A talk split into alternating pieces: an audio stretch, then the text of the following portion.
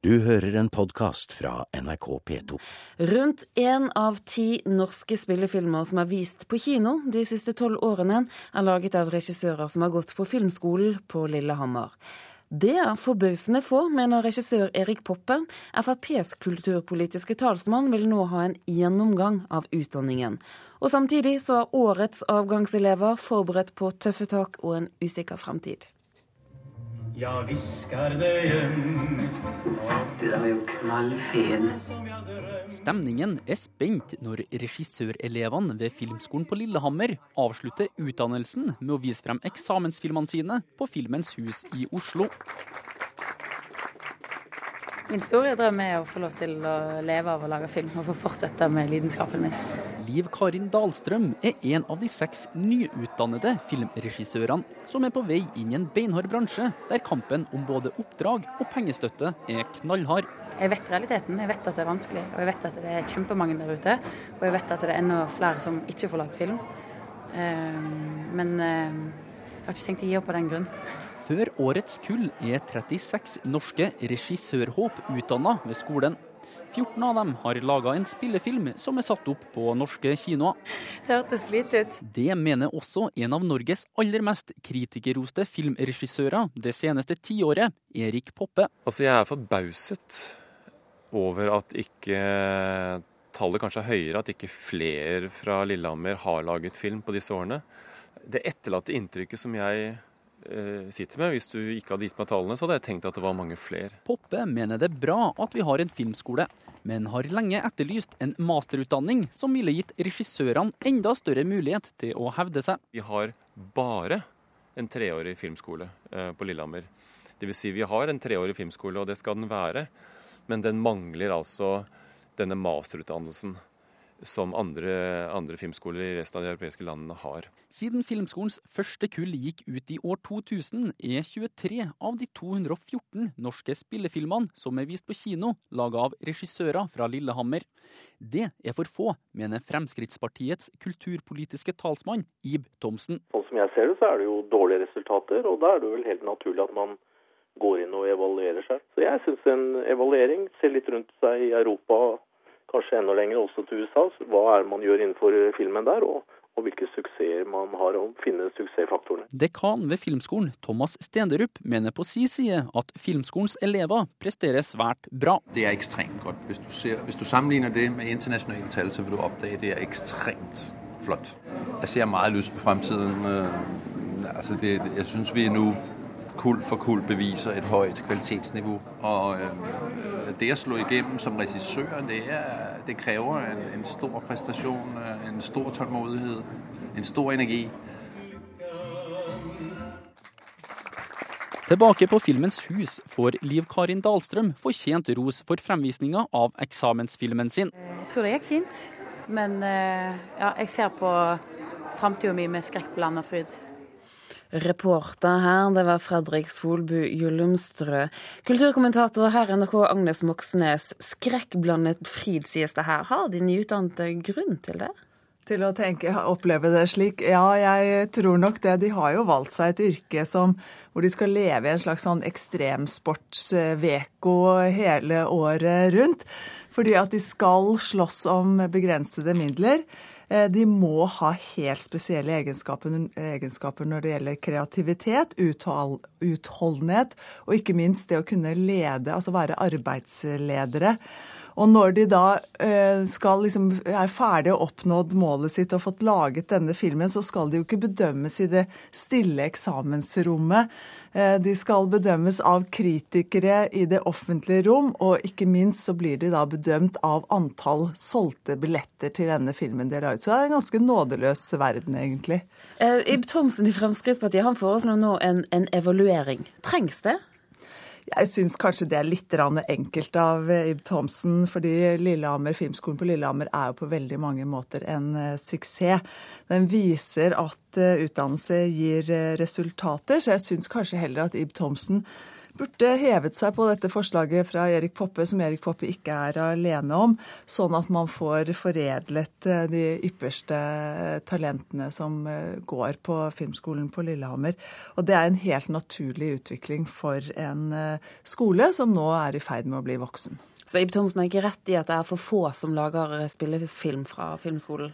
Ja, altså Ideelt sett så skulle man jo ønske at 100% av de som gikk på regilinjen, fikk, lage, fikk ansvaret for en eh, spillefilm. Men det er jo altså sånn i den virkelige verden at dess flere regissører som utdannes, dess flere er det som skal slåss om de eh, tross alt begrensede midlene som eksisterer. da. Og Problemet i Norge, som det antageligvis er i veldig mange andre land, det er jo at antageligvis at antageligvis så slippes debutantene for lett til, fordi vi drømmer om at det skal komme en ny Bergman, en ny Tarantino, og så får man penger til å lage den første spillefilmen sin. Og så beviser man bare én ting, og det er at man ikke er en ny Bergman eller en ny Tarantino. Så antageligvis så ligger jo problemet her i at det er veldig mye vanskeligere å få penger til å lage sin andre film. Men hvor, altså, hva, er det det som er forklaringen på at det ikke er enda flere som lager spillefilm? Det er altså det, det vanskelig å komme seg videre fra den første? Ja. Det er jo et, det er stappfullt av nåløyer i denne bransjen her. Først skal du få penger til å lage film, og så skal du slippe til liksom, å få en oppmerksomhet i det offentlige rom, og så skal du slippe til på kinoer etc. etc. Og det er en svært ressurskrevende yrke de velger seg, de som jobber med film. Så hva gjør man da, når man ikke ender opp med å lage spillefilmer? Ja, Det er en del av dem som jobber bl.a. her i NRK, som jobber med TV-serier, rett og slett. Og det får jo mer og mer oppmerksomhet og mye høyere og høyere status etter hvert som årene går. Hvis du ser til USA nå, så er det jo flere og flere av de store skuespillerne og regissørene som velger TV-serien. Ikke minst etter suksess som Sopranos og Sex og singelliv og Mad Men og, og sånt noe.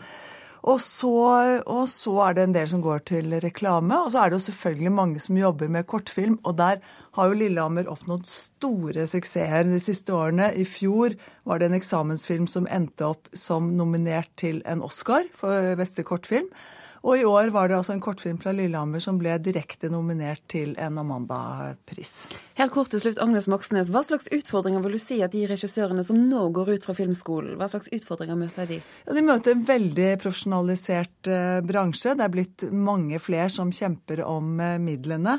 Eh, folk fra Lillehammer har gjort det kjempegodt Eh, og det, de kommer til å være de nye studentenes største eh, konkurrenter. Altså folk som Sara Johnsen og Anne Sewitsky og sånt noe. Og så kommer det jo folk fra andre kanter. Altså en Tommy Wirkola som er selvlært. Han lager film i Hollywood nå. Eh, en, en, André Øvredal som laget storsuksessen 'Trolljegeren', og Morten Tyldum med 'Hodejegeren', som jo er utdannet i USA. Så har du folk som Stefan Fallbakken og Erik Poppe som kommer fra Dramatiske instituttet i Stockholm. Sånn at de har mange konkurrenter. Agnes Moxnes, takk skal du ha.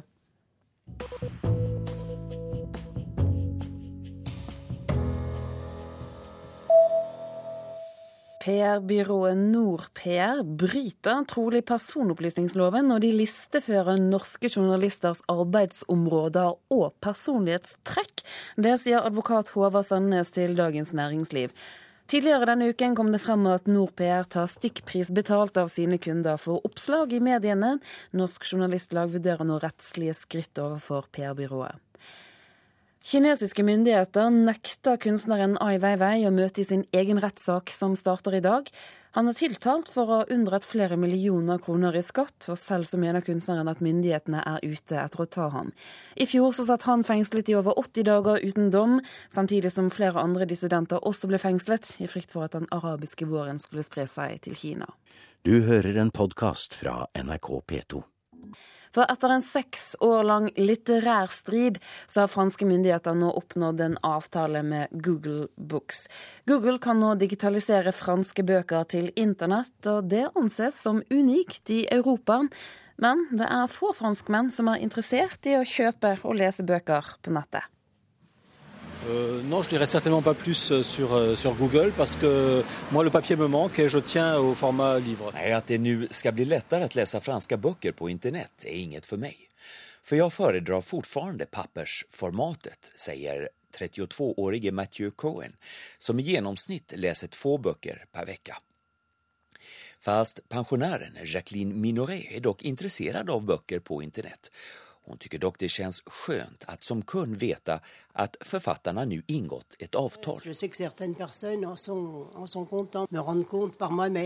Efter ett nytt avtal med de franska bokförläggarna och författarna ska Google Books få lov att digitalisera franska böcker.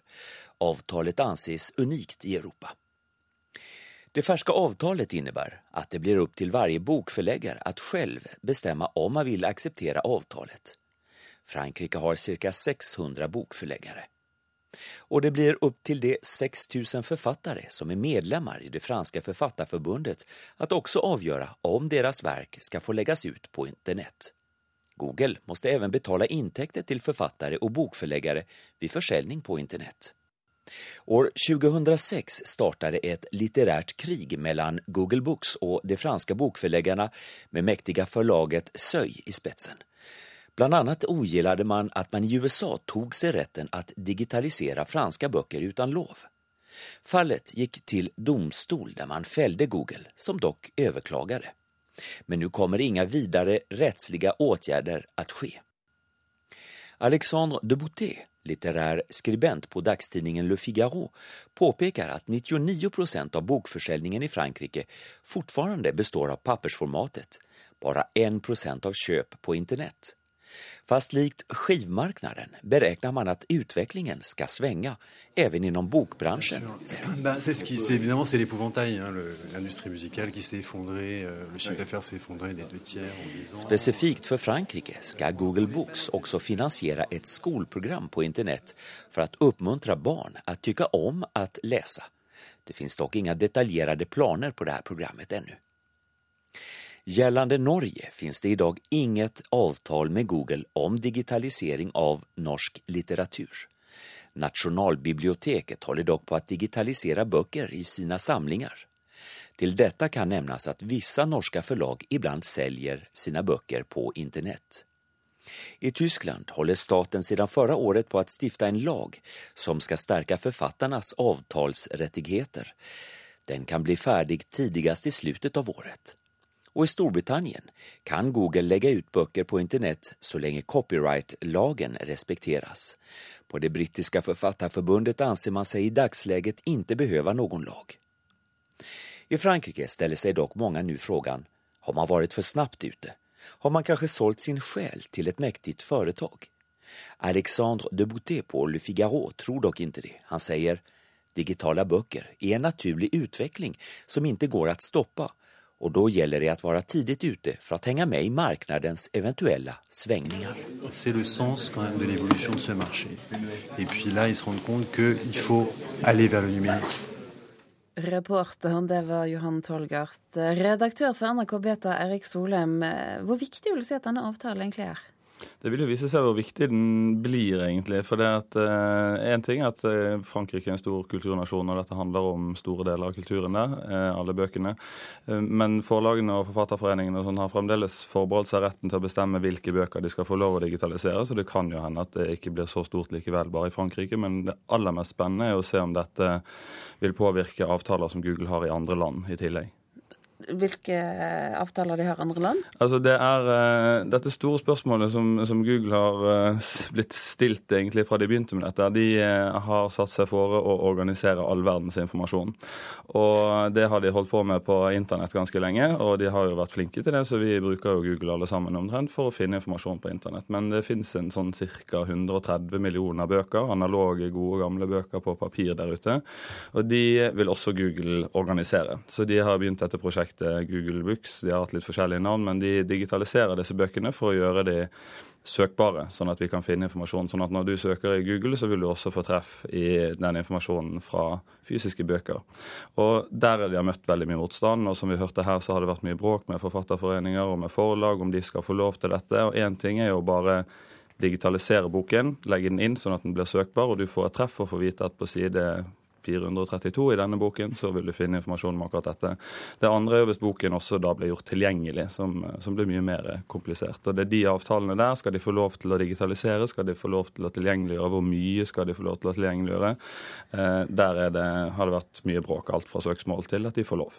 Tusen spørsmål, dette. Og dette må vel ikke forveksles med e-bok?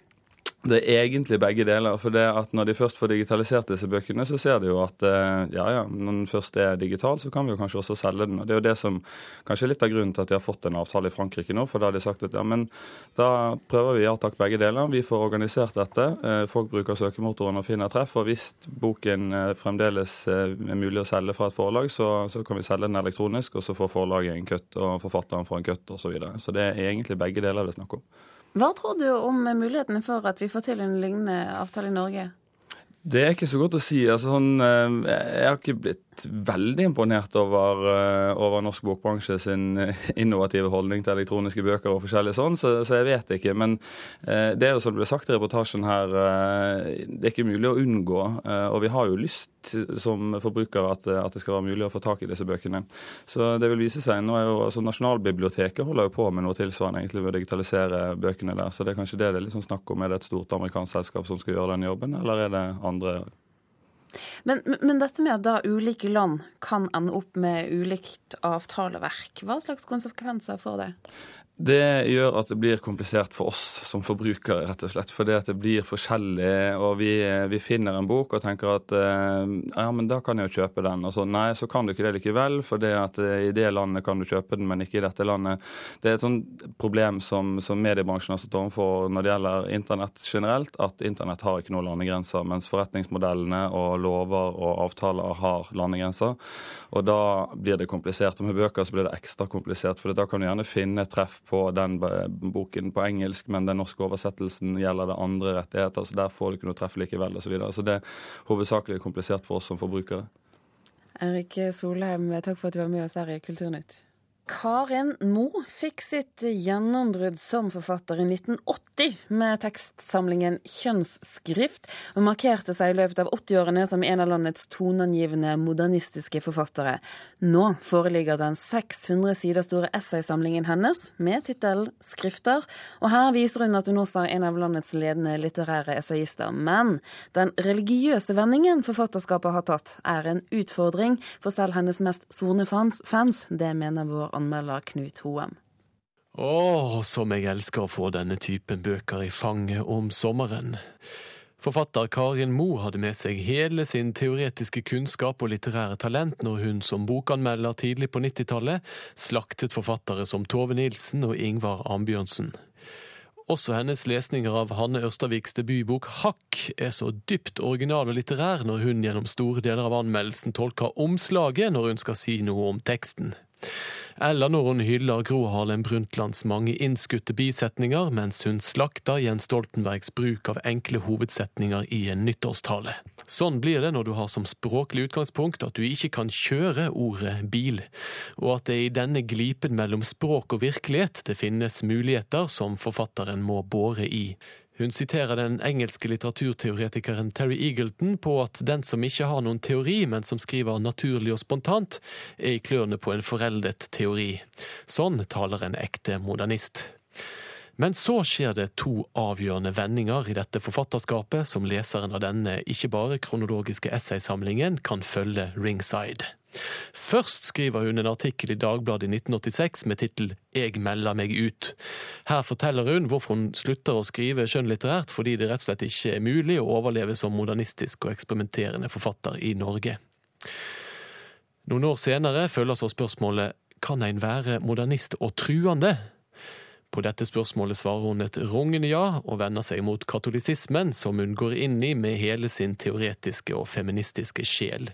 Og jeg tenker at Karin Moe må være en Guds gave til enhver katolsk menighet i dette land. Men hvordan går det så med oss som ikke tilhører menigheten? Når Karin Moe i kapittelet som treffende nok heter Profetisk, kaller abort for barnedrap og behandler profetier som om det var realiteter, da begynner i alle fall min tålmodighet med forfatteren å bli tynnslitt. Når jeg leser den scene Karin Moes skrifter om religionshistoriske emner og hennes tekster til kirkeåret, får jeg litt den følelsen jeg tror Bob Dylan-fans fikk da His Bobness ble frelst. En følelse av lett fremmedgjøring. Men også vel med en følelse av at også denne religiøse vendingen hører til verket. For stemmen er den samme hele veien gjennom denne essaysamlingen, nær og engasjerende, selv om objektet for analysen ikke lenger er Hanne Ørstavik, men Hans Nilsen Hauge. Og det mente altså vår anmelder Knut Hoem. Kulturnytt i dag var laget av Gjermund Jappé, som er produsent. Hanne Lunås har hatt det tekniske ansvaret, og her i studio Turi Grønbæk. Du har hørt en podkast fra NRK P2.